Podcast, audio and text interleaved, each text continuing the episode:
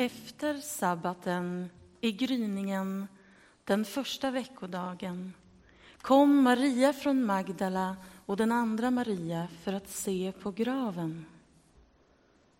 Då blev det ett kraftigt jordskalv, ty Herrens ängel steg ner, tog undan stenen från graven, satte sig på den. Hans utseende var som blixten, hans kläder vita som snö. Vakterna skakade av skräck och blev liggande på marken som döda. Men ängeln sa till kvinnorna, var inte rädda. Jag vet att ni söker efter Jesus, han som blev korsfäst. Han är inte här. Han har uppstått, så som han sa. Kom och se var han låg. Skynda er sedan till hans lärjungar och säg till dem han har uppstått från de döda och nu går han före er till Galileen. Där ska ni få se honom. Nu har jag sagt er detta. De lämnade genast graven fyllda av bävan och glädje och sprang och berättade det för hans lärjungar. Jesus är död, korsfäst och röjd ur vägen. Är det här verkligen möjligt? Några av lärjungarna hade varit med på korset, vid korset och sett det med egna ögon, att han verkligen var död. Det var ingen tvekan om saken. Jesus hade blivit utlämnad till myndigheterna till att avrättas. Hans efterföljare blev utlämnade till sin egen tomhet sin egen förvirring och sin djupa känsla av ensamhet. Men vänta, säger hoppet med sin lilla röst. Frågorna hos lärjungarna blandas med sorgens kaos. Varför gick det som det gick? Vad har vi egentligen trott på när allt kommer omkring? Och hur blir det nu? Lärjungarnas kompassnålar kan inte längre läsa väderstrecken som det ofta är när vi är med om någonting traumatiskt. Det är det som kallas förvirring. Och dödens port är ohjälpligt stängd.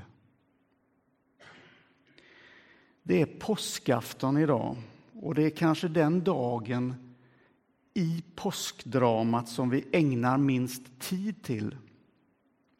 Vi vet inte riktigt hur vi ska förhålla oss till de timmarna mellan långfredagen och påskdagen. Den tiden då Jesus befinner sig i det dödas rike. Språket blir av naturliga skäl mer dunkelt. Orden färre, mysteriet större. Men vänta, säger hoppet med sin lilla röst.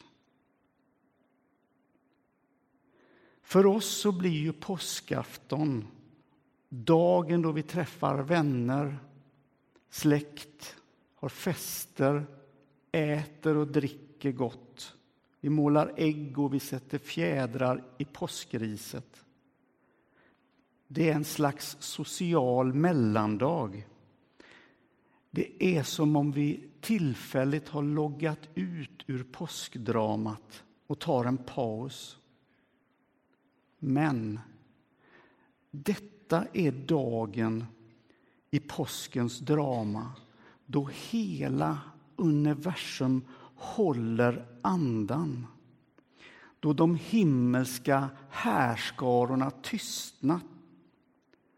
Allt stannar liksom upp. Jesu lärjungars liv stannar, har stannat upp. Och man har slungats från trygghet till otrygghet. Från någon slags övertygelse till förvirring.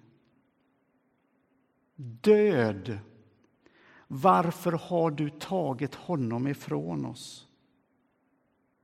Var det då så att döden fick sista ordet tvärs emot det som Jesus hade sagt? Lärjungarna befinner sig i det där obehagliga mellanrummet i dödens närhet där orden inte har något värde. Och lärjungarna upplever precis som varje människa som upplevt sorg upplever det att man har en dålig kontakt med verkligheten. Man känner sig separerad från verkligheten. Och om nu lärjungarna är som folk är mest så är det de centrala känslorna overklighet, rädsla och övergivenhet. Allt hade tagits ifrån dem. Och det hör till den mänskliga erfarenheten att vara med om förluster. Och kanske kan vi utifrån våra egna erfarenheter relatera till lärjungarna. Livet var tydligen mer skört än man hade trott. Men vänta, säger hoppet med sin lilla röst. Allt stod på spel den här dagen. Skulle döden eller livet få sista ordet? Hade allt det som Jesus lovat, var det bara tomma ord? När alla mänskliga förhoppningar är ute när människans tro inte längre förmår någonting. När ingenting går att göra åt någonting, då är väl det ändå slut. Men vänta, säger hoppet med sin lilla röst. För då kliver Gud själv in på scenen. Han går själv alla trappstegen ner i de mörkaste källarutrymmen ner i dödens mittpunkt. Och han tänder hoppets ljus. Och med sin kraft uppväcker han Jesus från de döda. Ivar Karlstrand skriver Förtvivla inte, i natten finns det ljus. Ansikten som lyser av en stilla frid och glädje. Trons spröda stämmor som sjunger i natten. Till våldets röster tystnar. Och nattens oro och mörker viker. Förtvivla inte. I natten finns det ljus. Och vår evangelietext berättar om hur kvinnorna tar sig till graven för att se dem och man möter en ängel som talar rakt in i deras oro och kaos. Var inte rädda. Jag vet att ni söker efter Jesus som blev korsfäst. Han är inte här. Han har uppstått ifrån de döda och går nu före er till Galileen. Jesus som är världens ljus låter sitt ljus lysa in i all mänsklig svärta. In i tillvarons obegripligheter och in i det mänskliga lidandet. Och kärleken får i Jesus Kristus sitt allra tydligaste och sannaste uttryck.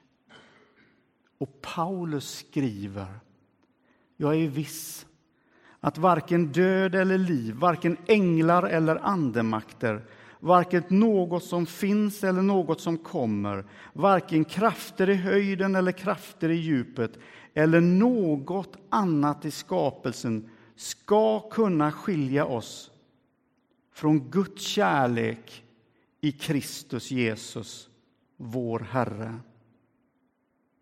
Och hoppets ljus går denna natt från människa till människa. Livet har segrat. Dödens udd är en gång för alla bruten. Amen.